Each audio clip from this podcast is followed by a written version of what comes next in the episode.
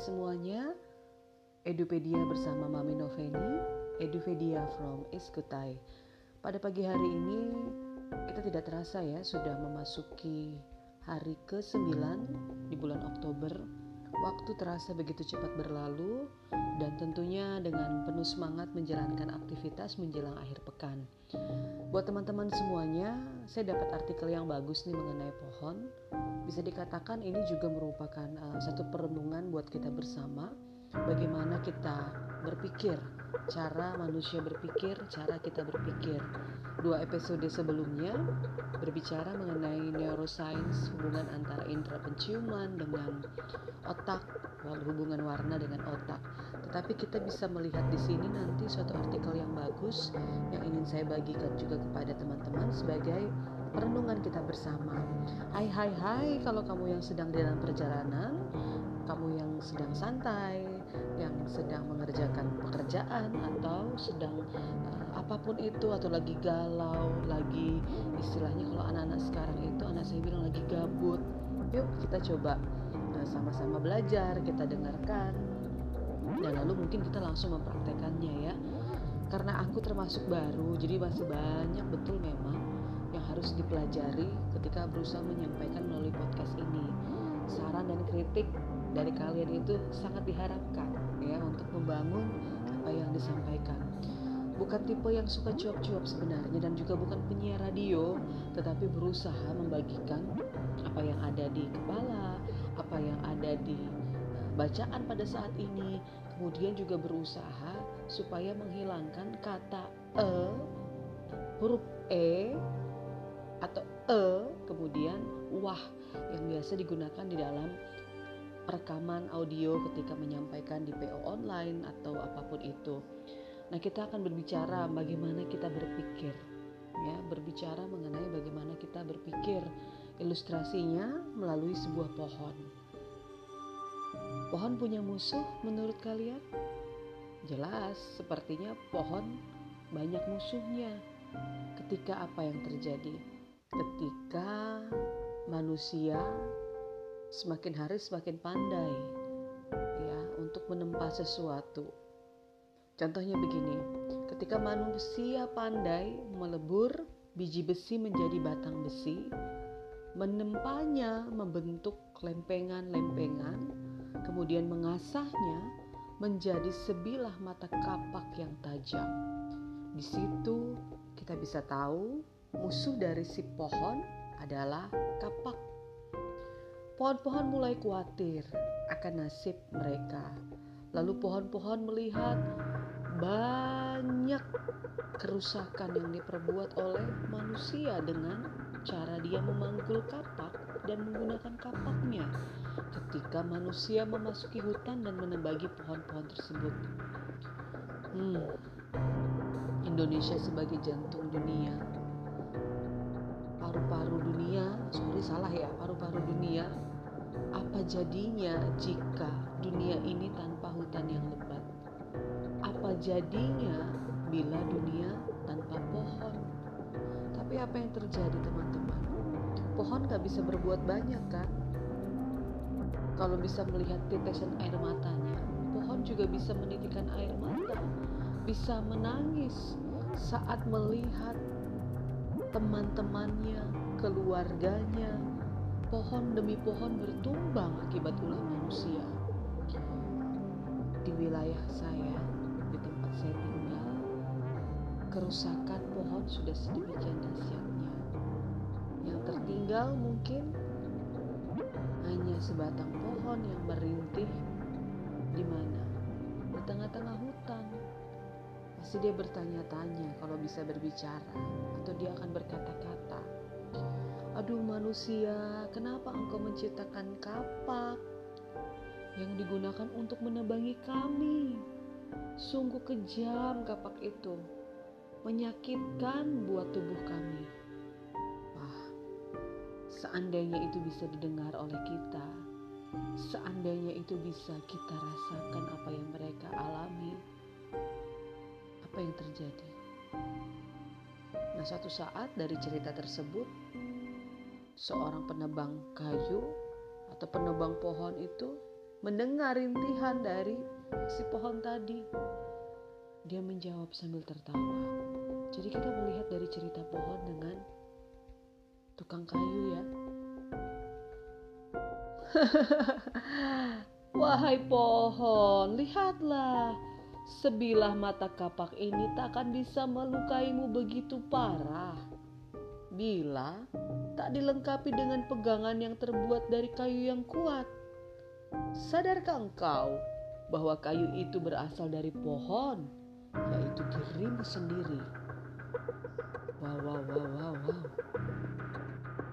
Cara kita berpikir belajar dari kisah pohon tadi, apa yang kamu dapatkan? Apa yang kita dapatkan?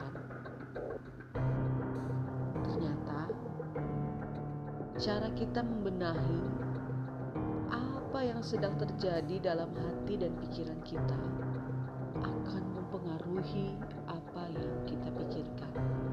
Ada yang mengatakan kekuatan pikiran, kekuatan berpikir positif, dampak dan efek dari berpikir negatif. Jika cara berpikir kita berantakan, biasanya kita akan cenderung membangun atau memperlihatkan sikap yang buruk, benar? Memperlihatkan cara pandang yang positif. Mungkin saja kerjaannya menggosip orang, menyinyir orang, dan lain sebagainya hal-hal yang buruk. Tapi yang terjadi jika cara berpikir kita itu jernih, cara berpikir positif, kita akan cenderung memiliki sikap yang baik terhadap keadaan yang sedang kita alami. Artinya, kita mulai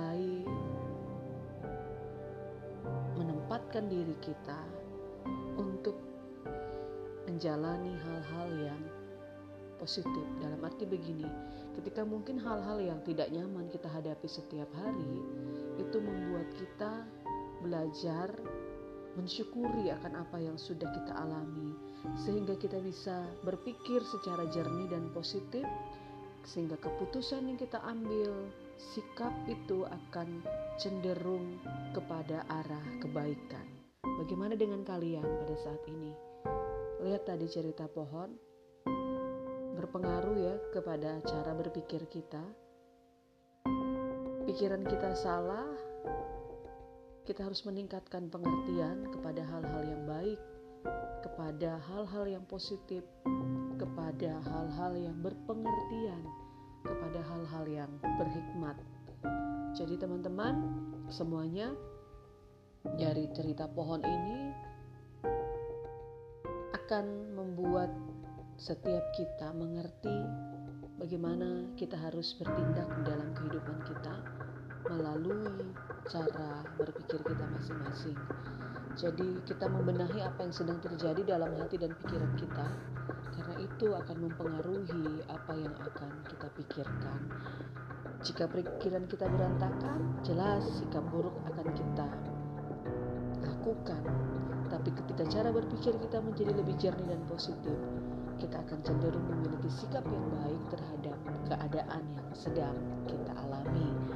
Selamat beraktivitas, nantikan cerita, nantikan curhat kisah yang ada di Edupedia from Eskutai. Terima kasih, salam sehat selalu.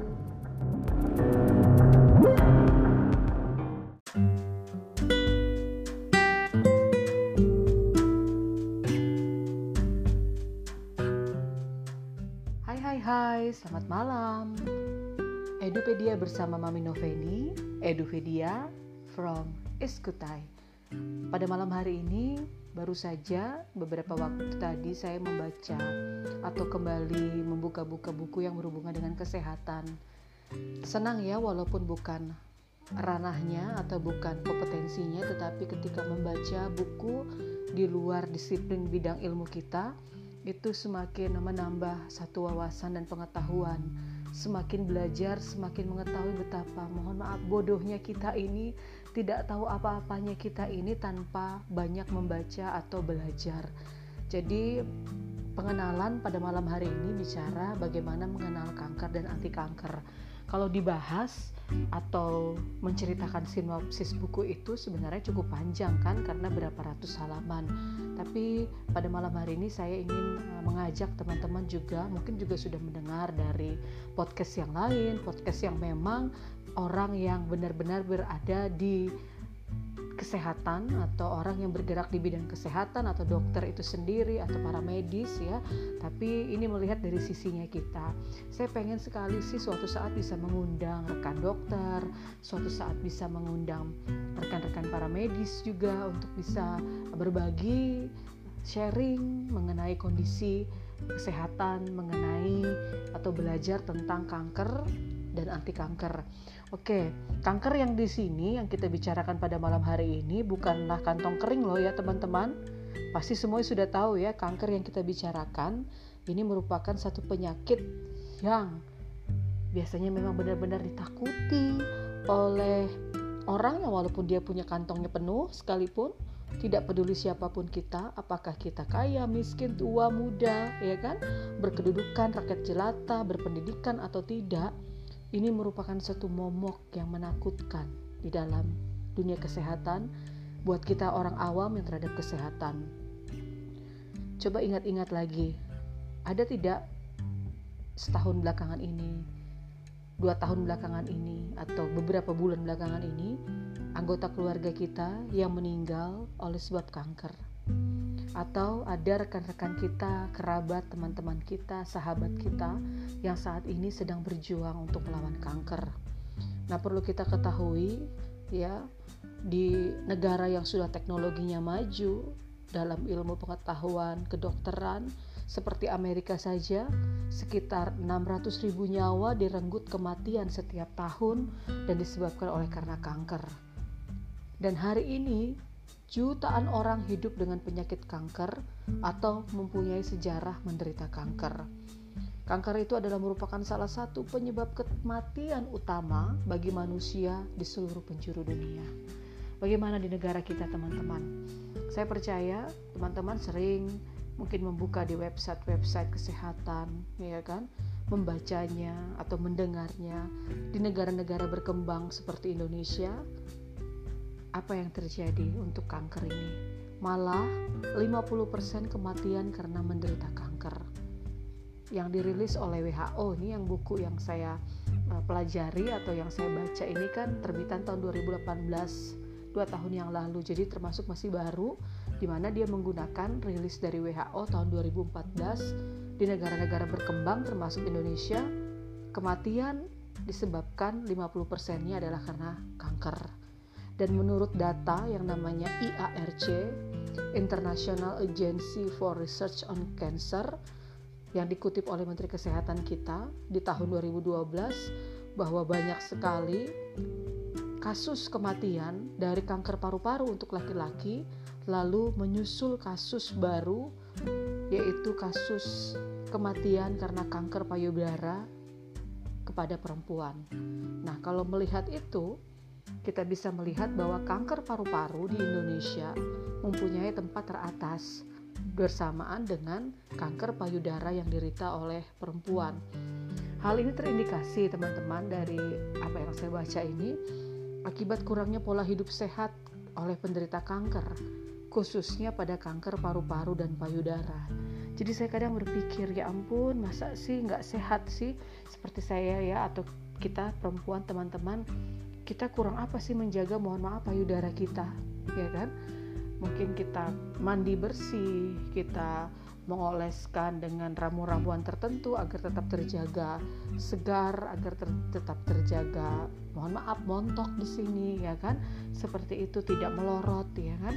Tapi ternyata bukan bukan bukan itu yang menjadi penyebab dikatakan di sini pola hidupnya sehat atau tidak? Berarti ada asupan makanan asupan gizi yang kita makan. Nah kita akan lihat nanti di podcast podcast berikut ya. Dan semoga juga ada rekan dokter yang dengar ini lalu mau berkolaborasi dan membagikan bersama-sama dengan kita di Edupedia bersama Mami Feni. Nah, risiko menderita penyakit kanker ini sebenarnya dikatakan oleh buku yang saya baca ini tadi dari sumber literasi ini bisa dikurangi bila kita menghidupkan pola hidup sehat dari segi medis seperti itu ya dan kalau kita lihat banyak sekali kesaksian-kesaksian banyak sekali testimoni-testimoni yang uh, beredar di dunia maya, dunia cetak ya atau ketika kita mendengar kesaksian dari orang-orang terdekat kita, rekan-rekan kita yang memang menderita kanker, mereka akhirnya bisa sembuh. Luar biasa. Dan kita juga sebagai orang yang beragama, yang bertuhan, tentunya mengandalkan menempatkan kehidupan kita kepada Tuhan segala sesuatunya yang mempunyai sumber kehidupan. Nah, tapi kita melihat pada malam hari ini dari segi medis dulu. Saya mau batuk nih. Makanya suaranya agak-agak serak-serak dari kemarin. Semoga terus fit ya badannya.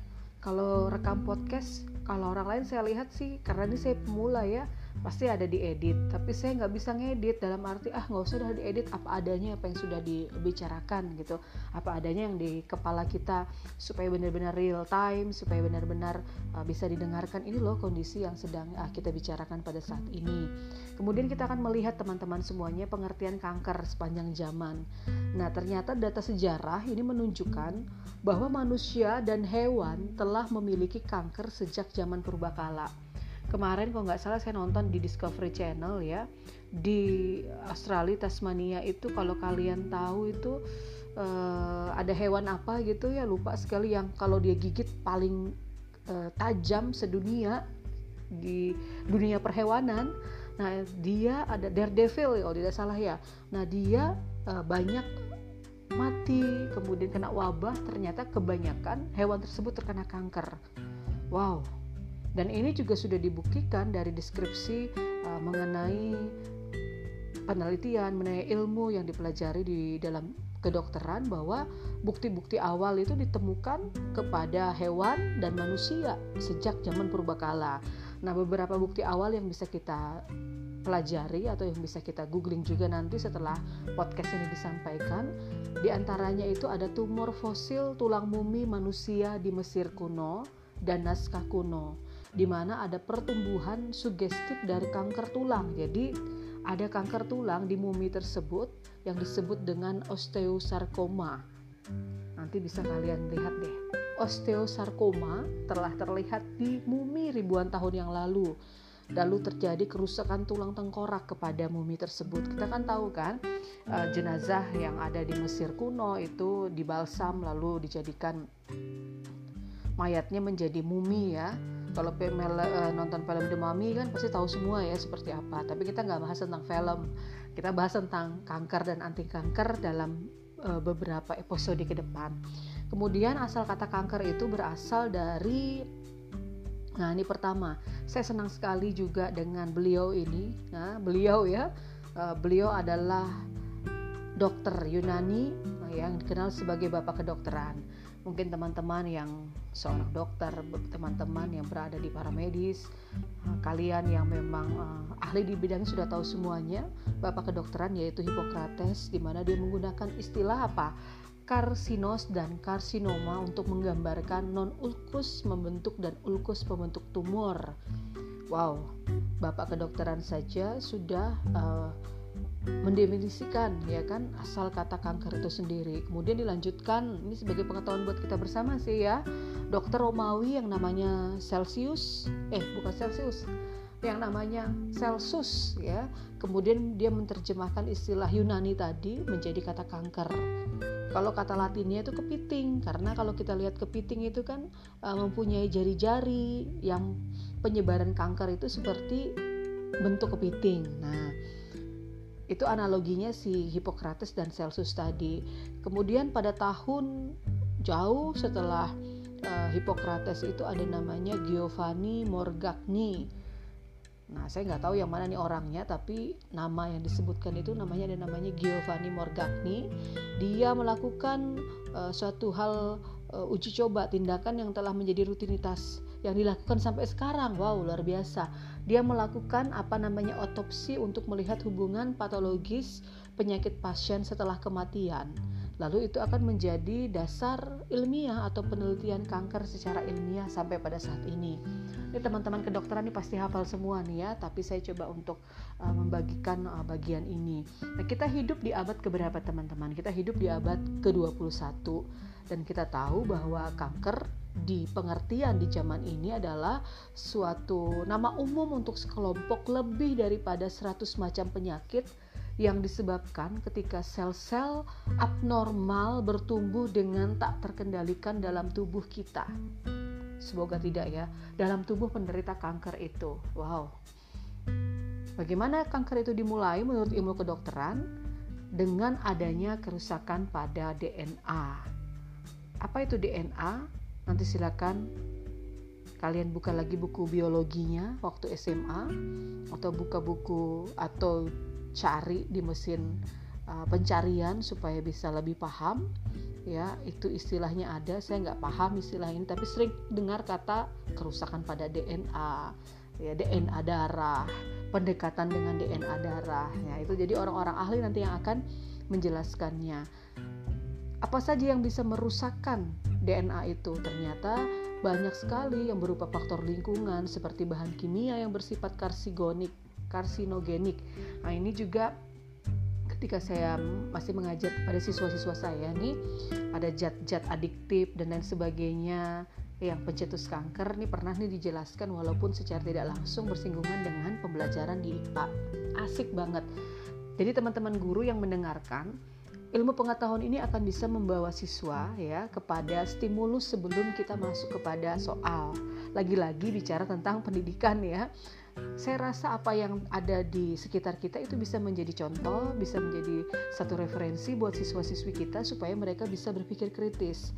Nah, kembali tadi, kanker itu dimulai ketika adanya kerusakan pada DNA.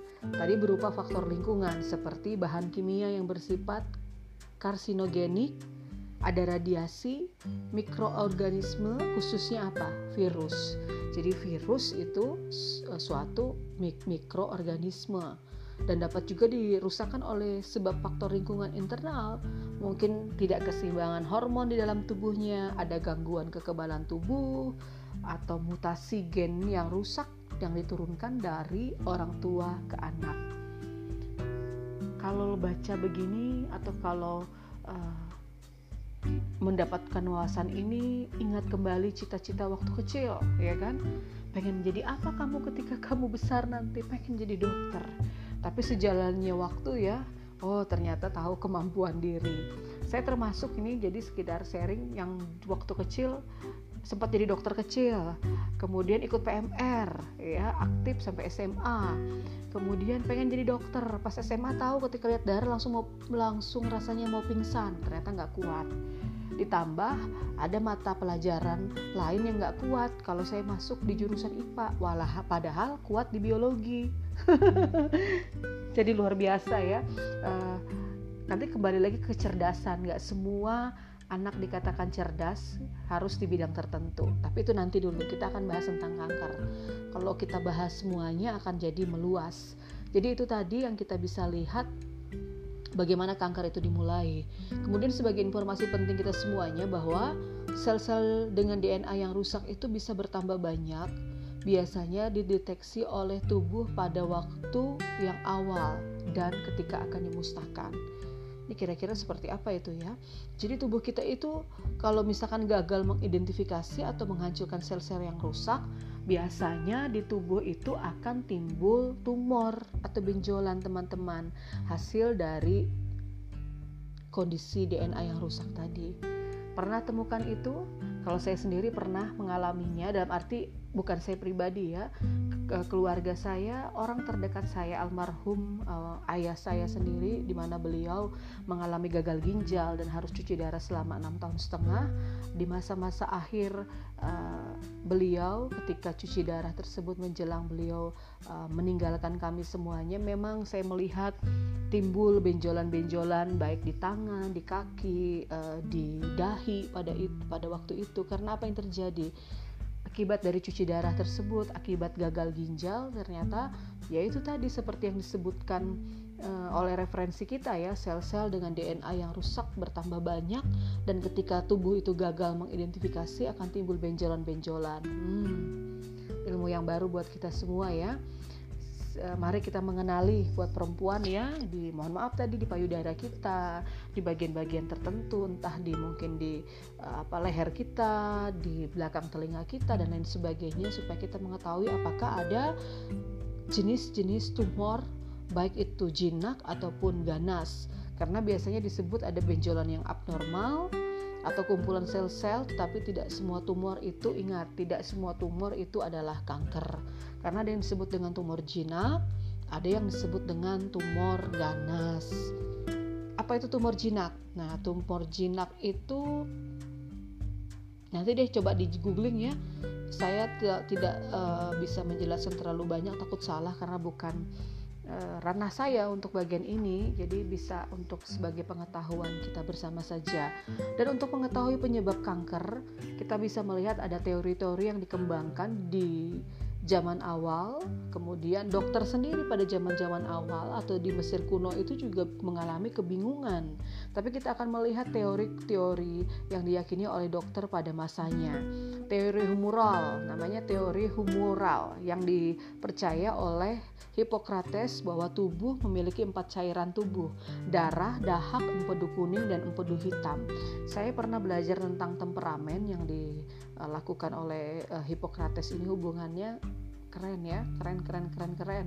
Jadi uh, nanti ini akan apa namanya ada hubungannya dengan alasan agama, ada alasan uh, apa namanya itu studi tentang tubuh. Kalian tinggal googling aja ya. Jadi teori pertama kita lihat namanya teori humoral. Teori kedua namanya teori getah bening. Ya, silakan nanti kalian bisa mencari karena teori-teori akhirnya getah bening ini menggantikan teori yang pertama yaitu teori humoral. Yang ketiga, teori blastema itu ahli patologi Jerman. Lalu teori iritasi kronis, teori trauma, teori penyakit menular. Nah, itu sampai akhirnya kepada dokter ilmuwan yang ada di zaman modern sekarang ini menyatakan eh, dari teori-teori semua yang sudah terkumpul mengenai kanker tadi, kanker disebabkan ya kan mengetahui penyebab kanker yang bisa kita lihat adalah karsinogen, virus dan kimia. Tentu teman-teman sering mendengar hal ini ya. Zat karsinogenik tadi yang sudah disampaikan, kemudian ini tadi penyebab kanker di zaman modern ini disebabkan oleh karsinogen, virus, dan kimia. Nah, teman-teman, hari ini kita mengenal dan menghindari banyak zat-zat tertentu yang bisa menyebabkan kanker. Benar nggak?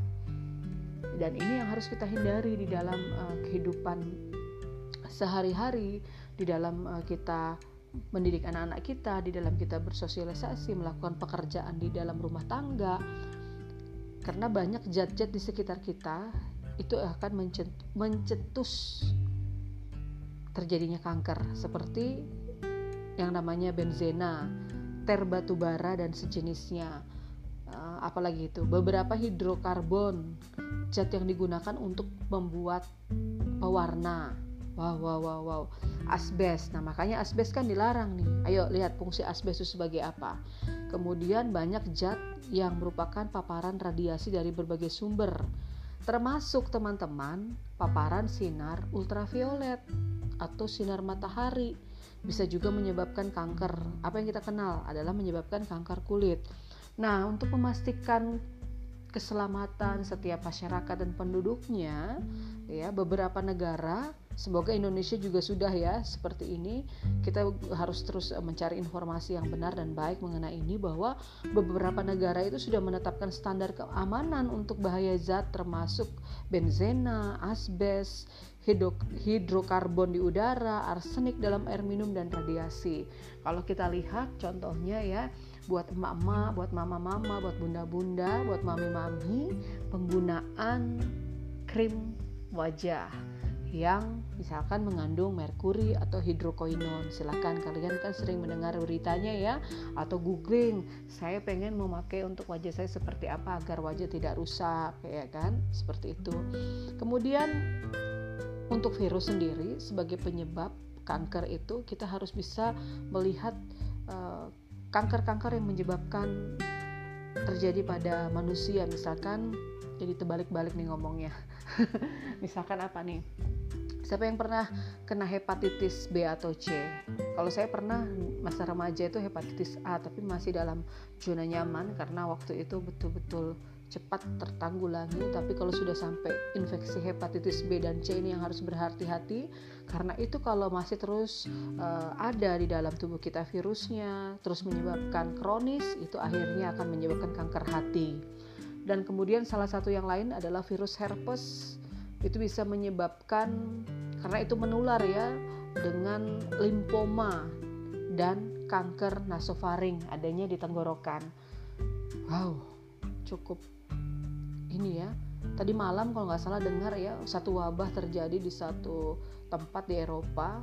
Oh iya, karena penduduknya sakit eh, kena wabah sipilis akhirnya menular begitu cepat dan mematikan semua uh, hampir setengah dari penduduk dan masyarakatnya ini yang perlu di, disadari juga karena virus-virus itu bisa berkembang dan virus-virus itu menyebabkan penularan ya kan yang terjadi bisa mencetus kanker sesuai dengan referensi yang saya baca. Kemudian dengan orang yang memiliki HIV Nah, ini risikonya besar terkena kanker karena biasanya itu sama seperti yang terjadi di uh, virus herpes atau bahkan yang lainnya. Lalu ini tadi virus papiloma manusia. Nah, ini biasanya dikaitkan dengan kanker terutama untuk wanita, kanker serviks, kanker vulva, kanker vagina, anus dan kalau laki-laki mohon maaf kanker uh, penis ya. Kemudian untuk beberapa kanker seperti kanker kepala dan leher duh bacanya atau menyampaikan ini aja sudah rasanya seperti waduh karena terjadi juga ya sebagian kanker lidah dan kanker amandel bila terjadi infeksi-infeksi tersebut. Jadi betul-betul setiap kita harus memperhatikan pola hidup sehat, harus memperhatikan kondisi keadaan kita masing-masing dan juga keluarga kita. Lalu salah satunya adalah uh, apa namanya itu kekurangan gizi. Selain karsinogen, virus dan kimia adalah kekurangan gizi. Pasti bertanya-tanya nih, he, kok bisa ini ya? Uh, kekurangan gizi menyebabkan kanker. Ternyata menurut penelitian yang dilakukan seorang uh, pemenang hadiah Nobel di bidang kedokteran mengatakan bahwa di mana ketika seseorang kekurangan gizi, baik itu satu atau lebih vitamin bisa menyebabkan daya tubuh daya tahan tubuhnya melemah sehingga dia sangat mudah untuk mendapatkan penyakit. Ternyata kalau kita kekurangan gizi itu bisa juga menyebabkan kita kanker. Semoga tidak. Semoga terus sehat dan menikmati hidup kita ya dengan uh, kesehatan yang Tuhan beri. Tapi ini merupakan pengetahuan buat kita. Beberapa Definisi dari kekurangan gizi itu adalah seperti kekurangan kolin yang bisa menyebabkan kanker hati, kekurangan vitamin E yang bisa meningkatkan risiko kanker leukemia. Aduh, kanker darah ya. Lalu kekurangan iodin menghasilkan kanker khususnya pada kelenjar tiroid. Lalu kekurangan berbagai macam vitamin B menyebabkan kerusakan hati yang dapat menjadikan kanker hati yang ganas. Kekurangan mineral zinc dapat menyebabkan kanker prostat dan kekurangan vitamin A yang melumpuhkan daya tahan tubuh itu untuk bisa menghadapi berbagai macam penyebab kanker itu wow kalau kekurangan vitamin A males makan sayur-sayuran yang berhubungan dengan vitamin A atau kekurangan gizi vitamin A atau avitaminosis ini tadi ternyata bisa melumpuhkan daya tahan tubuh kita sehingga mudah untuk terkena yang namanya kanker. Lalu untuk kekurangan vitamin D, ya banyak ternyata kekurangan vitamin D itu adalah pandemi Waduh saya tuh aja baru tahu ya ketika dikatakan kekurangan vitamin B itu diakui sebagai pandemi. Karena biasanya penyebab utama dari kekurangan vitamin D itu adalah kurangnya apresiasi bahwa paparan sinar matahari dalam jumlah sedang merupakan sumber utama vitamin D bagi kebanyakan manusia. Jadi itu ya selain dari virus tadi, dari karsinogen dan kimia, ternyata orang-orang yang kekurangan gizi lebih mudah untuk terkena kanker. Kemudian makanan-makanannya nanti kita sampai di sini dulu ya. Berikutnya nanti kita akan lanjutkan lagi di mana ternyata ada makanan-makanan pencetus atau penyebab kanker. Bahkan salah satu ahli yang bernama Dr. Benjamin Lau menyebutkan uh, bahwa makanan sekarang memberikan makanan kepada sel kanker. Makanan yang ada sekarang membuat sel normal menjadi kelaparan, lalu melemahkan fungsi kekebalan tubuh kita. Sepertinya harus hati-hati memang dengan makanan-makanan cepat saji, fast food, eh, junk food yang sering kita makan, yang instan, yang banyak eh, zat-zat tambahan. Karena berbagai penelitian melibatkan lebih dari 1,5 juta manusia menunjukkan setidaknya ada 20 macam makanan yang mengandung bahan kimia mencetus kanker. Dan yang paling disukai kanker Ayo kita perhatikan di sini sama-sama. Kita perlu ingat kita garis bawahi kita tulis ya kan? Kita ingat ketika kita makan juga mulai berhati-hati sekarang. Artinya pola hidup kepada ke, pola hidup yang sehat. Ternyata makanan yang paling disukai sel kanker yang pertama adalah makanan dari hewan. Gula yang diproses dan pemanis sintetik biji-bijian yang telah diproses lemak dan minyak Makanan asal hewan contohnya yang banyak mengandung racun kimia dan hormon sintetik, misalkan kepada makanan yang berhubungan dengan daging-dagingan seperti daging sapi yang biasanya sudah diinjeksikan dengan hormon pertumbuhan untuk menghasilkan lebih banyak susu. Ini mungkin ya susu sapi perah ya kan. Ternyata kita nggak tahu ya, mudah aja kalau yang kita makan sapi-sapinya organik ya makanannya tetapi bagaimana kalau ternyata sudah diberikan atau diinjeksi dengan hormon sintetik untuk menghasilkan lebih banyak susu dan apa yang terjadi akibatnya sapi-sapi yang secara genetik itu memiliki 10 sampai 20 kali lebih banyak insulin like growth factor yang merupakan prediktor untuk kanker. Aduh, luar biasa ya. Ilmu yang luar biasa tentang kesehatan makanan penyebab kanker ini yang kita sudah sampai di bagian ini. Nanti berikutnya saya akan bagikan lagi supaya bisa menjadi bersama-sama pengetahuan kita bersama bagaimana kita belajar mengenal kanker dan anti kanker. Itu ya teman-teman semuanya. Terima kasih sudah mendengarkan podcast pada malam hari ini. Selamat beristirahat. Sampai bertemu kembali. Edupedia bersama Maminoveni, Edupedia from Eskutai. Salam sehat selalu. thank you